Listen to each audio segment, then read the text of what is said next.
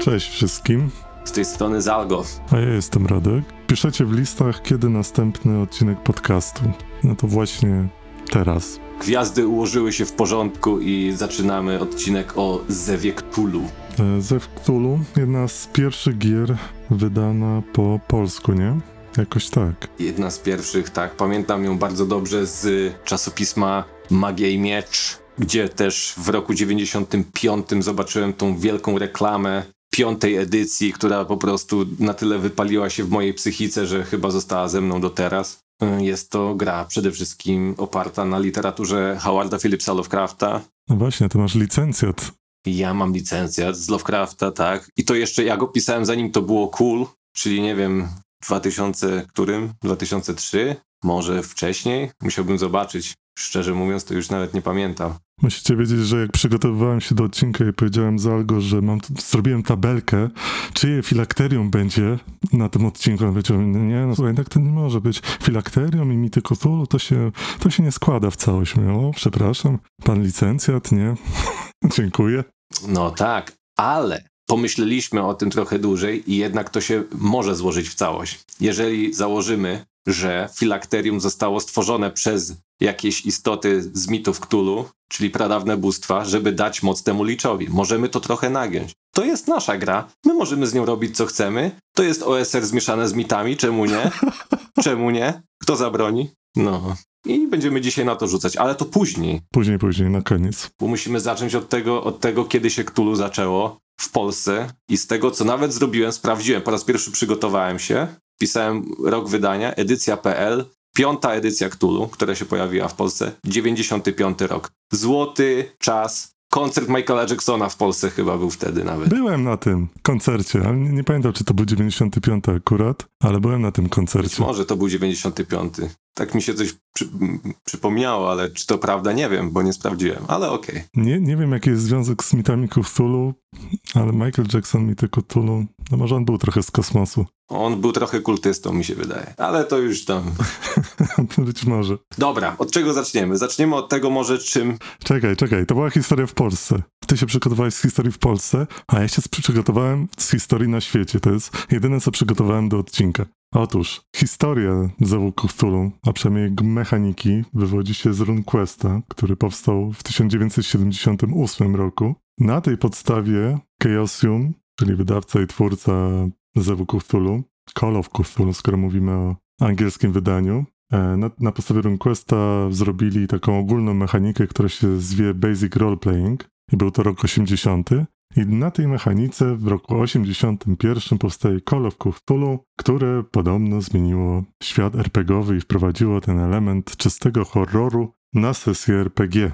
Koniec mojego przygotowania. To prawda, pięknie. Piątka. Je, u mnie masz już pięć. Bardzo dobrze, siadaj truja. Bardzo dobrze, siadaj i jest okej. I, I lecimy dalej. Teraz tak, mamy tą pierwszą edycję. Ona, jak wiadomo, wywołała tam burzę y, na świecie. U nas może trochę mniej w tym czasie, wiadomo, czasy były inne. Dostęp do, do materiału źródłowego był żaden. E, generalnie o czym jest ten system? No na czym się opiera? No, opiera się na rzutach procentową, czyli D100. Czyli rzucamy sobie kostką K100 i sprawdzamy, czy procentowo dane statystyki się mieszczą. Czyli mamy na przykład historyka, który ma historię na 80%, załóżmy, i rzucamy sobie kością K10 i kością K100, czyli D10, tą taką większą. I robimy sobie rzut, który procentowo określa nam, czy dana statystyka jest poniżej, czy tam równa temu, co mamy na karcie postaci. Dzięki temu możemy stwierdzić, czy ta osoba posiada wystarczający poziom historii, czy na przykład, no niestety nie jest jeszcze z tego mm, tytułu tam dosyć dobrze obcykana. E, Ta mechanika wywołuje też sporo kontrowersji, dużo ludzi się z nią no, nie zgadza, dużo ludzi się jej kurczowo trzyma. Niektórzy rzucają na wszystko, na każdą możliwą cechę za każdym razem. Niektórzy sobie tam dosyć luźno to traktują. E, Ja na przykład starałem się trochę to wyśrodkować u siebie i na przykład, jeżeli mamy takiego historyka i załóżmy, że on ma tą, już trzymajmy się tego historyka, on ma tą historię na załóżmy 90%. No gościu jest obryty, ma tam doktorat, załóżmy ze średniowiecza y, i rzucamy kostkami, no i wypada nam pechowo 93, a potrzebuje na przykład daty bitwy pod Grunwaldem, żeby otworzyć save. No to sorry, masz 93 na kości, no nie pamiętasz, zapomniałeś. Tak grałeś? No tacy są ludzie. Ja tak nie grałem. Ja już przy rzutach na przykład od 80%, jak ktoś ma cechę 80% w górę, to już tak zaczynałem przymykać oko. Już po prostu dobra, masz autorytet, wszystkie twoje rzuty to z reguły są sukcesy, chyba że naprawdę już chodziło o jakieś bardzo niszowe rzeczy, więc ja nie byłem aż tak re- restrykcyjny, ale słyszałem, że ludzie tacy są. Więc to już zależy chyba od stylu prowadzenia każdego indywidualnie. No tak, no ja, ja, ja wprowadzałem modyfikatory. Nie wiem, czy były takie zasady w 5,5 modyfikatorów. Jeśli ktoś potrzebował daty bitwy pod Grunwaldem, no to dawałem mu jakiś modyfikator minus 50 do rzutu, czy tam... A, W nowej edycji, w nowej edycji na pewno te modyfikatory są wbudowane i rzuca się tak, tak, w nowej są. na połowę chyba cechy, jak coś jest trudne, na jedną czwartą, jak jest niemożliwe, chyba coś się jeszcze mnoży. Tak, i tak. I do tego jeszcze dodali przewagę, czyli po prostu mamy dwa rzuty, wybieramy niższy, kostkę dziesiętną wybieramy niższą, jeżeli y, idzie to na korzyść. Jeżeli mamy mm, disadvantage, no to wtedy wybieramy tą kostkę wyższą i na jej podstawie oceniamy rzut. Także w siódmej tej nowej edycji na pewno to jest. W szóstej nie wiem, bo nawet szóstą y, pięknie ominąłem, grałem wtedy w karty dużo i w ogóle nie grałem w RPG, także zupełnie mnie szósta prze, przegapiła. To może taka historia też e, tych wersji z Cthulhu, w Polsce przynajmniej, była to wersja 5.01, chyba 5.1, 5-1 chyba, no tak. wydana nakładem wydawnictwa MAG, tego samego, które wydało kochanego u nas Urhamera pierwszą edycję. o którym będzie na pewno odcinek. Nie możemy go przemilczeć, także na pewno będzie o Warhammerze. Ale do tego przejdziemy później. Później była chyba edycja 5,5, nie wiem czy jeszcze pomiędzy nie było jakiejś jednej, też wydana e, nakładem wyda- wydawnictwa MAG. I tą tak przeorałem, że no, wygląda strasznie. Moja ma przypalone chyba papier od papierosa okładkę, wiesz, powiem ci, że to są albo kadzidełka, albo szlugi, nie wiem, i krople od superglu zaschniętą to też, bo też kleiłem jakieś modele pewnie na sesję. No moja też jest już wysłużona, także 5,5 najgorzej dostało, nie? Moja, moja jest pognieciona, po jakaś zalana wodą. Możecie zresztą zobaczyć, jak wygląda moja kopia z Cthulhu na naszym Instagramie, ponieważ mamy Instagram. Właśnie, do, dorobiliśmy się. Nie mamy TikToka na, na szczęście. Najprawdopodobniej nie będziemy mieć. Zatrudnimy kogoś, kto nie szaleje oglądając TikToka, kto nie musi rzucać na poczytalność. Na poczytalność na pewno. Ja myślę, że jak już decydujesz się świadomie na TikToka, to już musisz mieć na tyle y, znieczulenie y, tej y, poczytalności, że, że naprawdę nie robić to różnicy, to no, już po prostu kultyści chyba. Później była wersja właśnie szósta, o której mówisz, którą przeskoczyłeś i ona została wydana e, przez wydawnictwo Galmadrin Nie znam, nie słyszałem. i tego się nie dało czytać. Także nic nie straciłeś. Przynajmniej polskiej wersji się nie dało czytać. Nigdy mi się nie udało tego podręcznika przeczytać. E, słyszałem tylko, że tłumaczenie jest słabe, ale przede wszystkim z tego co pamiętam, tam był jakiś taki, em, żeby nie użyć em, bardzo brzydkiego słowa, to był taki jasno chyba brązowy, nie jasno brązowy, ale taki brązowawy druk na takich e, stronach w kolorze sepi, z tego co pamiętam, albo coś takiego. Było to tak słabo kontrastowe, że oczy się tak szybko męczyły, a gdzieś też wyczytałem, że tłumaczenie było bardzo, bardzo słabe. Wydali jeden dodatek do tego Gaslight Cthulhu w świecie gazowych latarni, który mam przed sobą. Przyniosłem go do biurka, żeby wiedzieć, jak się nazywało wydawnictwo.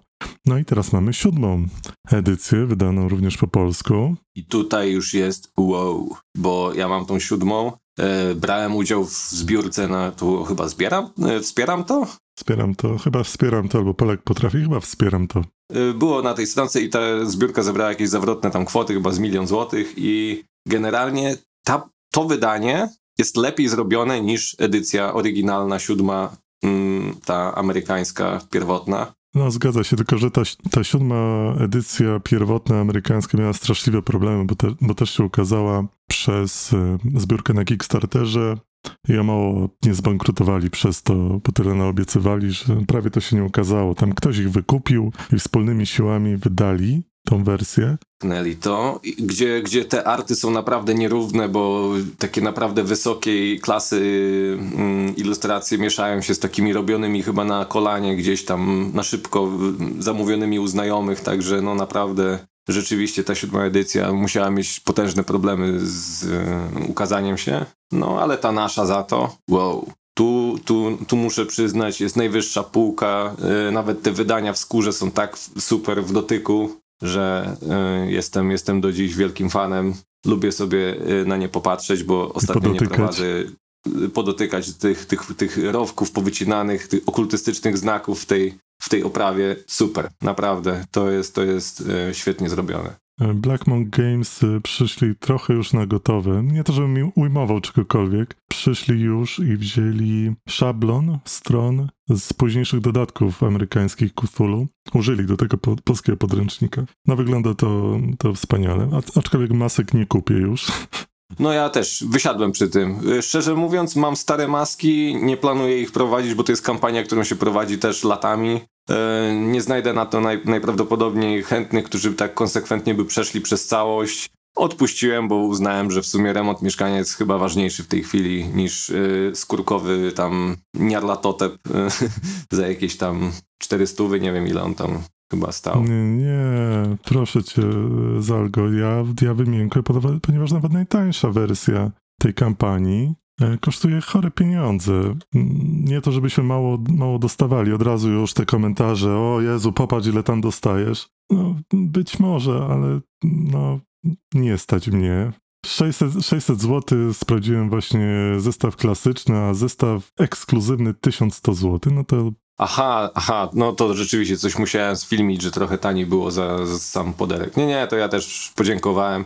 Fajnie by było to mieć, owszem, ale to nie jest warte te, tych, tych pieniędzy. Szczególnie, że mam na półce angielską wersję masek. No właśnie. Którą masowo ludzie zaczęli wyprzedawać na targowiskach, jak tylko zobaczyli announcement tego, że będzie Polska. To też fakt. Szczerze powiedziawszy, nie przypominam sobie, żebym zapłacił tak chore pieniądze za to. No ale to, to tylko ja. Znam ludzi, którzy zamówili przed sprzedaży, także Zamówili, będą mieć. No dobrze, dobrze, ja tam wydawaj na co chcesz. Niektórzy wolą sobie kupić pół litra, inni sobie wolą przyszurać coś, a my grzecznie kupujemy sobie książeczki. To jest też w sumie jakaś forma e, rozrywki. dodatkowo nie mam e, zbyt dobrych doświadczeń z obsługą klienta w Black Monk Games, więc jakoś to się tak składa do kupy, że raczej masek nie zamówię. Okej, to, ju- to już tam wiesz, twoje, twoja sprawa, nie? Twoja sprawa.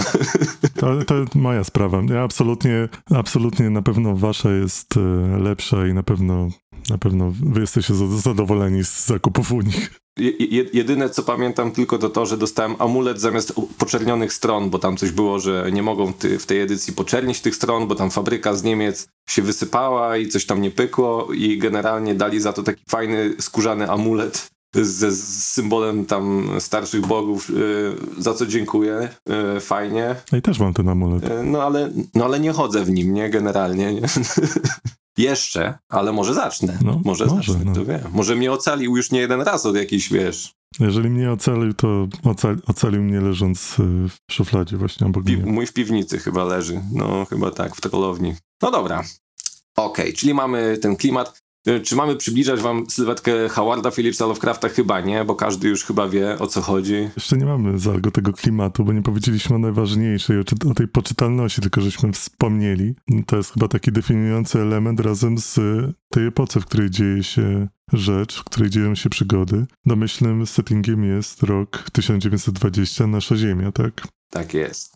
The Swinging Twenties, które pamiętamy za takie gwiazdy jak Al Capone, jak e, chociażby muzyka, e, która te podlotki w tych, z tymi, z tymi papieros, e, papieroskami w długich fiwkach, no to jest, wiecie, taki klimat, którego ra, raczej trudno, trudno go podrobić. I głównym jak gdyby ce- centrum tej, tej całej historii są istoty nadnaturalne, czyli bóstwa pradawne, które po prostu upatrzyły sobie Ziemię jako, znaczy nawet w sumie nie upatrzyły, ale istnieją i mają no, raczej negatywny wpływ na ludzkość i mm, niektórzy ludzie czczą te bóstwa i usiłują z ich pomocą zniszczyć to, na co tak ciężko zapracowaliśmy po I wojnie światowej i usiłują na przykład, nie wiem, tam przejąć kontrolę nad światem albo jakieś tam po prostu zniszczyć Ziemię, tak o, dla, dla sportu. I generalnie my, jako badacze tajemnic, usiłujemy rozwikłać jakieś tajemnice, jakieś zagadki i powstrzymywać te kulty, które czczą tych pradawnych bogów przed zrujnowaniem Ziemi. No i generalnie na tym się opiera e, większość sesji, które mi zdarzyło się prowadzić. Ja prowadziłem raczej w takim stylu dosyć już y, mocno opartym na y, śledztwo, ale z lekkim takim hakiem na już przy późniejszych sesjach na taki właśnie pulp Cthulhu, czyli to jest taki wariant Cthulhu, który po prostu już wprowadza graczy na wysokich poziomach w taki świat e, filmów klasy B, postacie są takie przerysowane, dialogi są filmowe, jest dużo huku, jest dużo akcji, także mm, wariantów Cthulhu jest mnóstwo i sesji do Cthulhu jest też pełno. Są warianty do gry w Cthulhu w czasach współczesnych. Ja właśnie, bo inną, inną epoką, w którą można grać, przynajmniej w 5,5 nie wiem, czy jak jest w siódemce, to jest 1890 bodajże rok, czyli Kuba Rozpruwacz. Oczywiście. I Juliusz Verne. No, Jules też jest. Takie klimaty. Tak, czyli generalnie cylindry. Cylindry, powozy, karety i wiadomo. Oraz 1990 rok. Dokładnie. I ja kilka sesji rozegrałem w 1990 roku i to były sesje oparte o z archiwum Mix. O, bo akurat jak ja prowadziłem ze Cthulhu, to na topie było archiwum Mix. I sesje polegały na tym, że przerabiałem odcinek. Miałem oczywiście jakieś szczegóły, bo przecież wszyscy żeśmy oglądali te odcinki z archiwum Mix. No i prowadziłem właśnie sesję Cthulhu na podstawie tego serialu. Także to był taki szczyt też takich programów, jak pewnie nikt tego nie pamięta, nie do wiary na TVN-ie, no to nie do wiary to była wersja, to była wersja taka telewizyjna, a jeszcze w kioskach sprzedawali czasopismo Factor X i tego mam cały segregator, powiem ci, i do dziś go sobie zostawiłem. Tam były tak, tak fenomenalne artykuły jak e, wirus Ebola, kiedy przedostanie się do nas, e, w ogóle UFO, e, były duchy, wszystko. Dokładnie tak. I na podstawie wycinków z gazet, czy tam właśnie jakichś artykułów, również przerabiałem je na scenariusze do Zewu. I to chyba właśnie te sesje w Zew Cthulhu to taki mój najwyższy szczyt autorskich przygód do Zewu. Na podstawie właśnie tych artykułów, programów, e, seriali. I chyba w Zew Cthulhu rozegrałem najwięcej gier, poprowadziłem najwięcej gier, bo zwykle prowadziłem. No może poza Warhammerem pierwszą edycją, bo od tego zaczynaliśmy i tego to się nie da zliczyć. Nawet ile sesji Warhammera pierwszą edycję żeśmy zagrali. Ale e, Zewko, który na pewno, jeśli nie na pierwszym miejscu, to jest na drugim miejscu. W różnych epokach, 1920, 1990, mnóstwo tego, mnóstwo tego rozegraliśmy. Dokładnie, u mnie też był na topie razem chyba pół na pół z Wampirem Maskaradą, w którego przegrałem chyba całe liceum. To znaczy poprowadziłem całe, całe liceum, byłem narratorem, bo przecież w świecie mroku nie może być mistrza gry. Tam jest narrator. W Zewie Cthulhu jest przecież Strażnik Tajemnic. Strażnik Tajemnic, oczywiście. Więc ja byłem tak naprawdę pół na pół narratorem, pół Strażnikiem Tajemnic. Niezwykłym mistrzem gry, bo tego przecież nie ma. No, w tych dwóch systemach przynajmniej. I u mnie też to była bardzo, bardzo silna grupa, bardzo często się spotykaliśmy. No i też e, myślę, że najwięcej przegraliśmy właśnie w latach dwudziestych. Było sporo e, klimatów właśnie improwizowanych. No ale to e, też wynikało mocno z tego, że bardzo dużo czytałem wtedy Lovecrafta i różnych jego pochodnych. De, Augusta Derleta i, i na pewno tam jeszcze było kilku autorów, których dużo czytałem i też tak starałem się trochę poprzerabiać, trochę inspirowałem się kinem, jakimiś horrorami klasy D, których też tam się naoglądałem sporo. No, pamiętam, że, że tworzyłem jakiś scenariusz o, o, o, ciężarnej kobiecie, która nagle łaknie mięsa i bogaty mąż próbuje mm, na lewo kupować po prostu jakieś mm, półtusze wieprzowe i zwozić jej do swojej, w nocy do swojej rezydencji, żeby karmić żonę, która ma coraz większy brzuch i generalnie, no taki pamiętam klimat dosyć był misterny i to była jedna chyba z ostatnich sesji, jakie prowadziłem. Mam z tej sesji bardzo ładną grafikę, którą narysował Waldek Graczyk, z którym graliśmy dużo. Waldek jest na Instagramie, robi bardzo ładne rzeczy. I mam tą grafikę i ją chętnie y, podeślę, żeby była jako footnote do naszego odcinka, bo mm, to był taki fajny po prostu zbiór wszystkich bohaterów, którzy brali udział, czyli tam był drwal, żołnierz, artysta, chyba plastyk też, więc było dosyć fajne, fajny miks postaci i, i dosyć fajną grupą nam się wtedy grało. No i też wiadomo, y, potem zaczęły się studia, każdy się rozjechał, wszystko się pokończyło i mm, dopiero niedawno próbowałem siódmą edycję odpalić. I przez neta, wiadomo, można sobie fajnie poprowadzić horror i porobić ten klimat, ale jakoś tak y, sesję grozy wolałbym jednak prowadzić y, face to face, jakoś z ludźmi w jednym pomieszczeniu. I no tak średnio y, myślę, że mm, byłem zadowolony z samego siebie, z tego jak to tam wychodziło przez, przez y, mikrofon i przez słuchawki. Ale y, myślę, że w przyszłości może teraz z przyczyn wiadomo zewnętrznych, słowo na P, no będziemy raczej częściej spotykać się w sieci niż, niż y, w piwnicy, więc może być, że jeszcze coś tam będę wracał do, do rzeźbienia z Ktulu poprzez, poprzez mikrofon. Ja próbowałem siódmą edycję poprowadzić przez internet. Poprowadziłem dwie sesje, wydawało mi się, że jest super, ale jeden z graczy powiedział, że, że nie jest. Że nie jest super, nie jest horrorowato. Nie wiem, no włożyłem w to sporo wysiłku, żeby jednak ten klimat był. Nie udało się. Także myślę, że coś w tym jest, że najlepiej takie sesje horroru, gdzie trzeba wprowadzić klimat, grać przy świecach w ciemnym pomieszczeniu, e, żeby dudniła muzyka i się ściszała i żeby był ten, ten klimat tak, żeby obserwować też jakoś graczy. A że naszych większość graczy nie chce też grać nawet na kamerkach, trudno też odczytać tych graczy, trudno zobaczyć e, co, co robią w danym momencie. Trudno, trudno zobaczyć ich wyraz twarzy, skoro nie widać ich twarzy. No tak, no tak, to, to, na pewno. I wiem, że na przykład niedawno, też jeszcze zanim zaczęła się cała ta przygoda z pandemią, e, prowadziłem Delta Green i Delta Green wyszła podobno bardzo dobrze. Ja uważam, że włożyłem w nią tyle samo serca, co w te online'owe mm, zapędy w siódmą edycję. I chłopaki mi powiedzieli, że Delta wyszła super, że mm, jeszcze kilka wieczorów sobie rozmawiali między sobą o klimacie z tej pierwszej startowej sesji, która jest bardzo ostra, bardzo mocna i ma bardzo dziwny klimat. No i po prostu jednak też uważam, że chyba jak do sesji klimatycznych, no trzeba będzie jednak trochę bardziej postawić na spotykanie się face to face, a nie, a nie e, mikrofon. Także no niestety, no fajny system, szkoda, że, że nie można więcej go prowadzić przez neta. No czy można, tylko... To skoro wspomniałeś o Delta Green, to powiedz, co to jest Delta Green?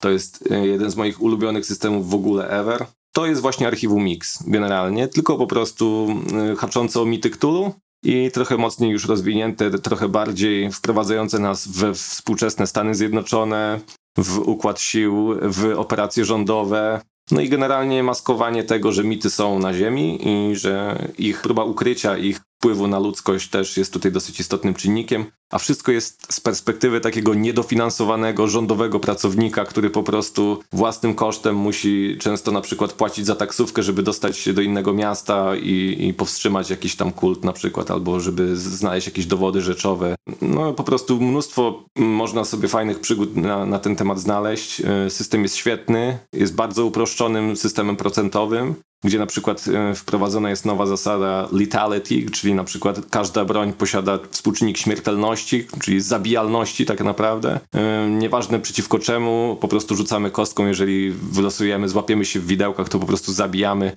Nie trzeba się bawić w damage, nie trzeba się bawić w jakieś tam drobiazgi związane z walką. Po prostu e, strzela, zabijam, gotowe, lecimy dalej. Kolejna scena, kolejne ujęcia. Moim zdaniem jeden z najlepszych systemów, jaki obecnie jest. Yy, najfajniejsze przygody, a przy, przygoda startowa z, ze startera Need to Know, no po prostu jest fenomenalna. Jest, jest jednym, jedną z rzeczy, które mnie zachęciły w ogóle do kupna całego systemu i poprowadzenia tej, tej, tej pierwszej sesji startowej. Mimo długiej przerwy w horrorze, chłopaki naprawdę powiedzieli, że im się podobało, co, co mi też dużo, dużo dało y, mocy, żeby, żeby pójść dalej z tym. I planuję też w przyszłości, jak trochę się już to uspokoi, wrócić do Delty i pociągnąć dalej historię tych um, agentów, bo naprawdę moim zdaniem jeden z topowych um, systemów. Oczywiście po tym jak poprowadzisz Warhammera trzecią edycję. Oczywiście, tak. Ja na to wszystko znajdę czas kiedyś, tylko skończę remont. Wtedy mogę... Odkąd się znam z Algo masz remont, więc to się nigdy nie kończy. Tak, i, i powiem ci, w tym roku planuję go skończyć nawet. W tym roku planuję go skończyć. Dobra, jeszcze jeden element, który jest bardzo ważny dla Cthulhu, to jest poczytalność. I tutaj może teraz opowiesz, panie licencjat, o twórczości Lovecrafta, bo właśnie w tej twórczości takim głównym motywem jest utrata poczytalności, prawda? Tak, tak. No, Lovecraft y, wywodzi się z mm, takiej rodziny dosyć trudnej, ponieważ y, od dziecka już, już był poddawany dosyć trudnej sytuacji, bo matka przebierała go za dziewczynkę na przykład. Do czwartego roku życia wmawiała mu, że jest, że jest dziewczynką, y, ponieważ tak usilnie chciała mieć córkę. No, generalnie ojciec bardzo szybko e, też zmarł. On się głównie wychowywał z matką i ciotką. Lekki wpływ tam na jego rozwój też miał dziadek. E, Generalnie poczytalność i jej brak e, zawsze towarzyszyła jego rodzinie i po prostu też jest bardzo dużym czynnikiem w jego dziełach, e, przez co mamy ten właśnie motyw szaleństwa. Często postacie z Lovecrafta są wykształcone, są mm, osobami uczonymi albo na jakimś mm, wysokim poziomie intelektualnym, które stopniowo popadają w taki obłęd poprzez mity, poprzez mm, sytuacje, w których się znajdują, poprzez kontakt z jakimiś istotami z zewnętrznego świata i tak dalej. Także u niego często ten motyw utraty poczytalności przekłada się na, na, na postać, przez co mechanika gry też dużo wokół tego się kręci. Bardzo łatwo jest zdobyć choroby psychiczne. Jeżeli dużo będziemy rzucać pechowych rzutów na utratę poczytalności, nasza postać może po prostu sfiksować. Jak to ma się przełożyć na przykład do tego, że zobaczysz wielką rybę gigantyczną, trzymetrową? No, niektórzy by nie sfiksowali na, te, na ten widok. Niektórzy by się tylko zaczęli śmiać, niektórzy by się zdziwili, po czym poszliby sobie dalej. No, ale wiadomo, że trochę dramatyzmu pewnie mm, tutaj też musimy dodać, bo to jest jednak no, system mm, grozy.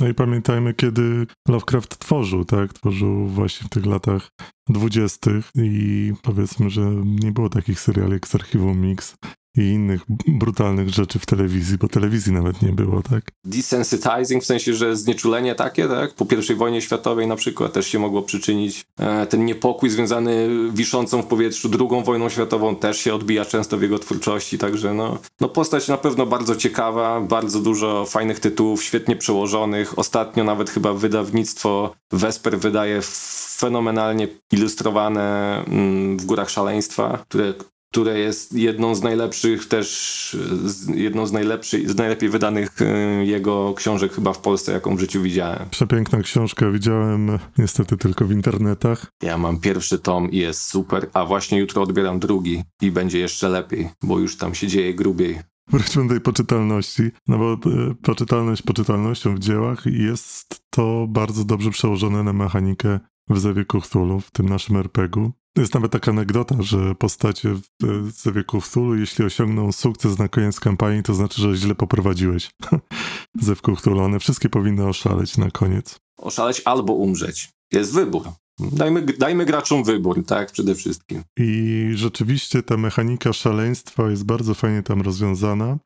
Mamy ten swój znacznik szaleństwa, który nieuchronnie zbliża się ku zeru, czyli ku całkowitemu szaleństwu, zamie- zamienieniu się w warzywo i spędzeniu resztę życia w szpitalu dla psychicznie chorych. I to niektórym, tak a propos, niektórym graczom nie bardzo pasuje. Pamiętam, byłem na kapitularzu, to jest taki konwent w Łodzi, na prelekcji o Zewie Cthulhu i chłopak, chyba chłopak jakiś opowiadał bardzo kwieciście o tym Zewie Cthulhu. No i właśnie doszło do tego, że właściwie gracze na koniec no, rzadko osiągają ten sukces. Najczęściej giną, popadają w szaleństwo. Nawet jak uda im się powstrzymać te, bóstwa, no to zazwyczaj kończą szaleni. I pamiętam, taka dziewczyna po prostu oburzona wstała. Czy ja mam grać w grę, w której celem jest przegranie? Tak, właśnie na tym polega ta zabawa, że popadasz cały czas w coraz większe szaleństwo, coraz większe niesamowite historie odkrywasz i to, to na tym polega ta zabawa Zew Cthulhu. To nie jest y, gra o wielkich herosach, którzy stawiają czoło wielkiemu Cthulhu, który ma, nie wiem, tam 100 metrów wysokości i wygrywają strzelając z em, jakiejś rakietnicy w niego. Jak sobie popatrzycie w podręcznik, to jeżeli zobaczycie wielkiego Cthulhu i nie uda wam się bodajże rzut na poczytalność, to tracicie tylko chyba K10 tej poczytalności, a jeżeli wam się uda, czyli zrozumiecie na co patrzycie, to tracicie K100 poczytalności, przy czym to jest też cecha procentowa, tak?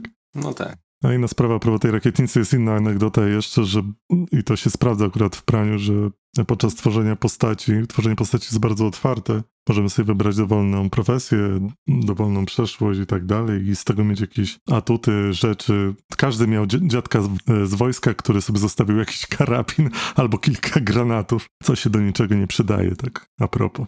Przynajmniej w spotkaniu z mitami. No tak, chyba że grasz w Pulp Cthulhu, gdzie już strzelanie z rakietnicy w jakieś bóstwa wchodzi do gry i naprawdę są te statystyki na tyle rozwinięte, że można tam chyba się po prostu przejechać po kimś statkiem, czy wlecieć w jakiegoś przedwiecznego samolotem, yy, rzucać w niego bombami jakimiś. Coś tam myślę, że już bliżej jest temu. Tak, tak. Mówię o tym klasycznym zewie, zewie Cthulhu. E, w ogóle tych gier osadzonych w mitologii Lovecrafta, bodajże ta mitologia jest chyba public domain już. Już jest, tak, tak. Na pewno dzięki temu mamy wysyp wsz- wszystkich możliwych planszówek, podręczników, y, wszystkiego jest pełno. Ale uwaga, nie wszystkie mity e, z tej mitologii są w public domain, ponieważ tą pracę kontynuowali inni autorzy, którzy też się wpisują w tą mitologię Cthulhu.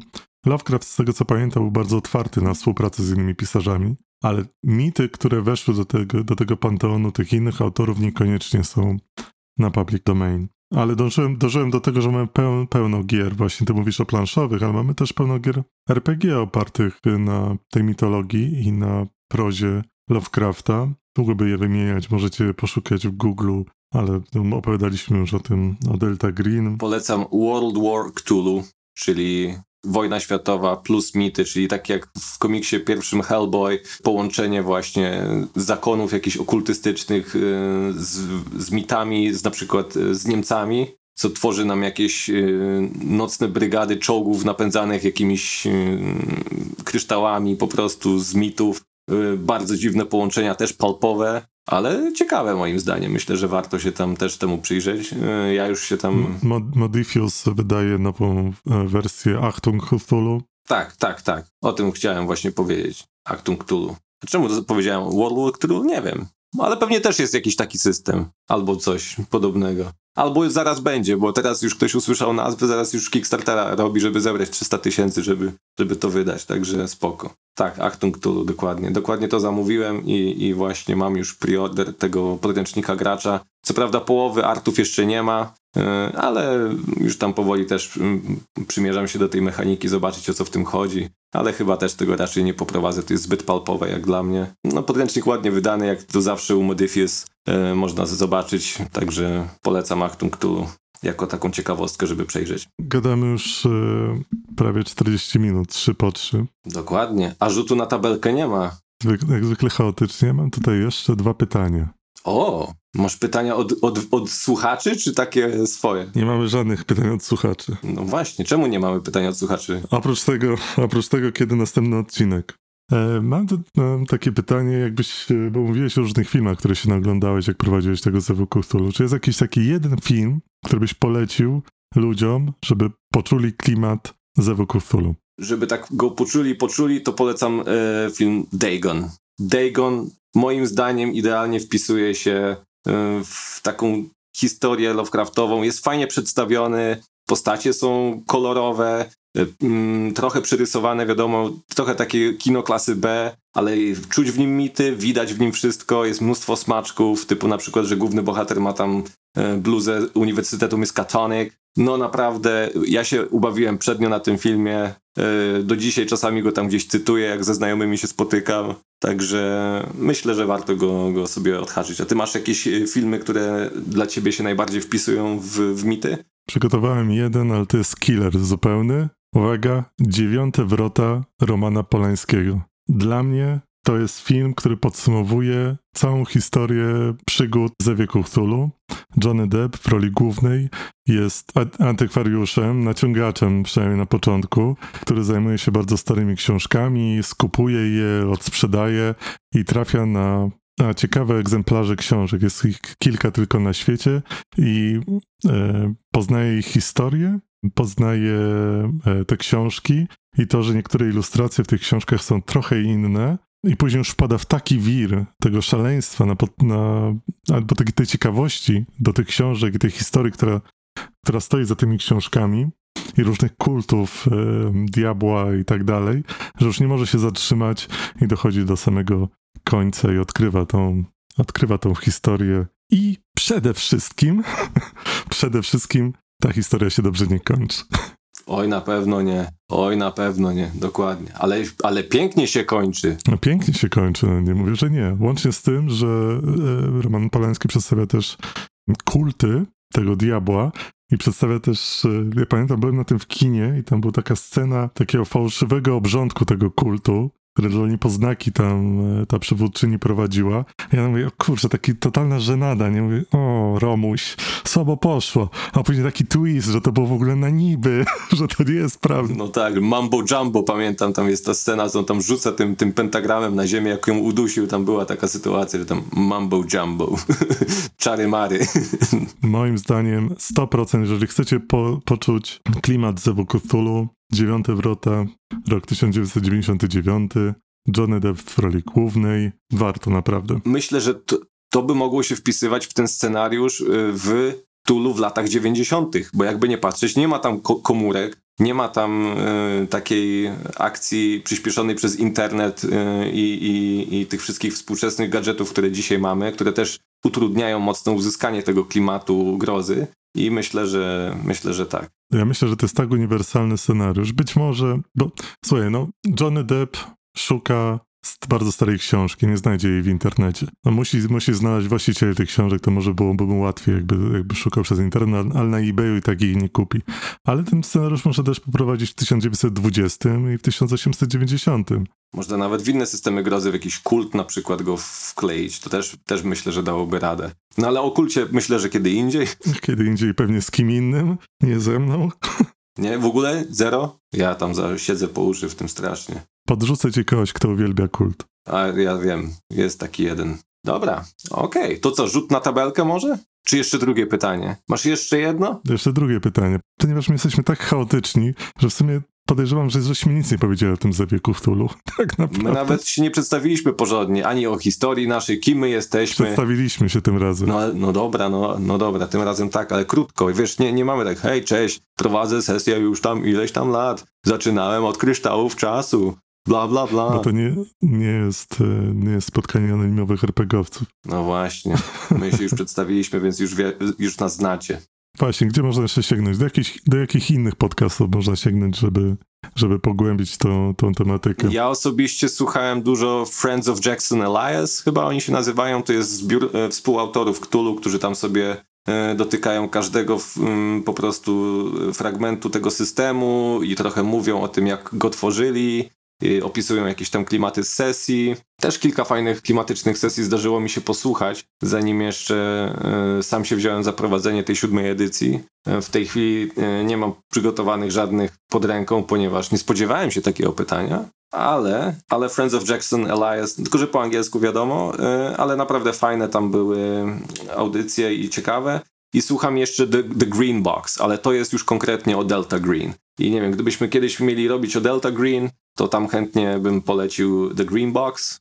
To jest też zbiór e, jedny, takich naj, najbardziej wczutych e, prowadzących kolesi ze Stanów, którzy po prostu siedzą po uszy w FBI. Jeden jest w ogóle chyba byłym agentem FBI i też tam przynajmniej pracował w jakiejś tam y, rządowej agencji i, i z tym, z rządem amerykańskim.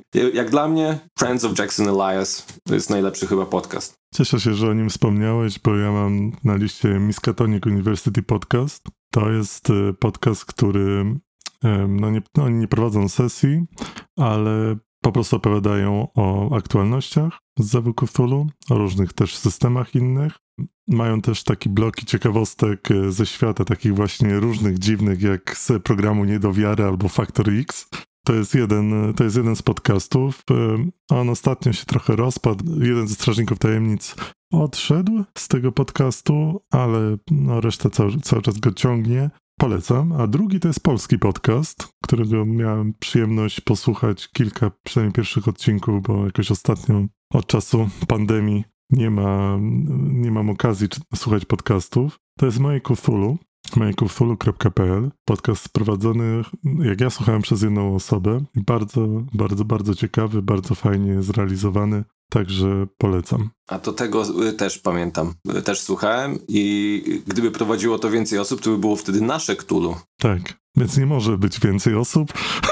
Więc nie może być więcej niż jedna. Także ale też naprawdę fajnie zrobione, też, też mi się dobrze słuchało. I fajne były smaczki dotyczące polskich w ogóle, jakichś tam obiektów architektonicznych, jakichś e, polskich właśnie książ- ksiąg zakazanych tak dalej, także ja też polecam pod tym Tak, regionów, regionów kraju, to, to właśnie warto po polsku posłuchać, ponieważ nie ma, to, nie ma to tylko związku z grami, w sensie takim, że z nowościami, co tam wyszło na rynku i tak dalej, albo jak rzu- rzucać kasetką, tylko są też ciekawostki właśnie konkretnie z Polski, których nie uraczycie w amerykańskich podcastach czy angielskojęzycznych podcastach. Dobra, Zalgo, mogę rzucać. Turlaj, lecimy z tym. Mam K7, żeby nie było, Let's do this. żeby, żeby jakoś nawiązać do tego DCCs. Aha, właśnie. I do, teraz nawiązujemy do DCC.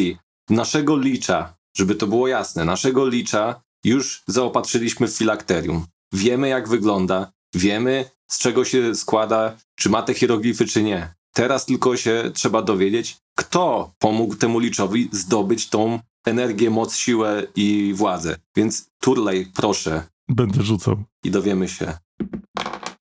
Wypadło 4. Zdjęcie tej kostki możecie zobaczyć na naszym Instagramie. link, link w opisie. Uwaga, numer 4 to Kuchtulu, wielki przedwieczny. Aha, no to trochę poszło standardowo. Bread and butter, dobra, okej. Potwór o ledwie humanoidalnej sylwetce z podobną do ośmiornicy głową, zamiast twarzy miał kłębiącą się masę macek. Jego ciało było łuskowate i przypominało z wyglądu gumy. Jego łapy i nogi uzbrojone były w ogromne pazury, a z pleców wyrastała para długich i cienkich skrzydeł. Ta rzecz miała raczej opasłe ciało.